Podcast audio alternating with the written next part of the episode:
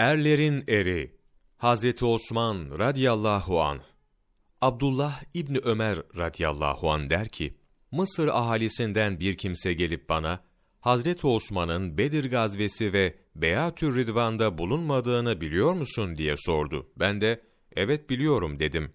Sonra Abdullah İbni Ömer radıyallahu an o kimseye hitaben, şimdi sen yanıma gel de, işin aslını sana anlatayım diye tafsilat verdi.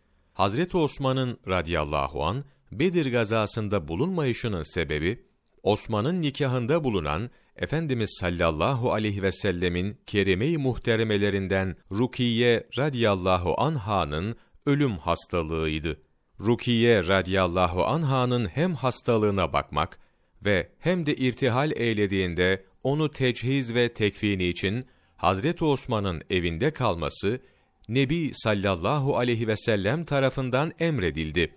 Hatta Hazreti Osman biraz tereddüt gösterdi. Sonra Resulullah sallallahu aleyhi ve sellem Efendimiz Hazreti Osman'a hitaben muhakkak olarak sana Bedir gazasında hazır bulunan kimseye ahirette verilecek ecrü sevap vardır. Bir de dünyaca da orada hazır bulunan bir kimsenin mali ganaimden, ganimet mallarından alacağı hisse kadar sana hisse vardır, verilecektir diye müjdelediler. Onun üzerine Hazreti Osman radıyallahu an evinde kaldı. Hazreti Osman'ın Hudeybiye vakasında Beyatür Ridvan'da bulunamamasına gelince, eğer Mekke-i Mükerreme'de Hazreti Osman'dan daha şeref ve nüfus sahibi bir kimse bulunsaydı, Resulullah sallallahu aleyhi ve sellem hazretleri, Hazreti Osman'ın yerine Mekke-i Mükerreme'ye elçi olarak onu gönderirdi. Yani Hazreti Osman'ın radıyallahu an yerini tutacak ve bu işi yapacak başkasını bulamadılar ve onu gönderdiler.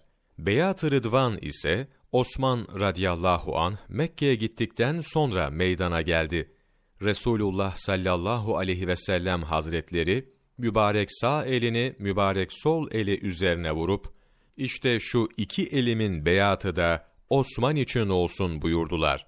Hazreti Mahmud Sami Ramazanoğlu, Hazreti Osman ve Hazreti Ali radıyallahu anhuma sayfa 10 12 25 Eylül Mevlana takvimi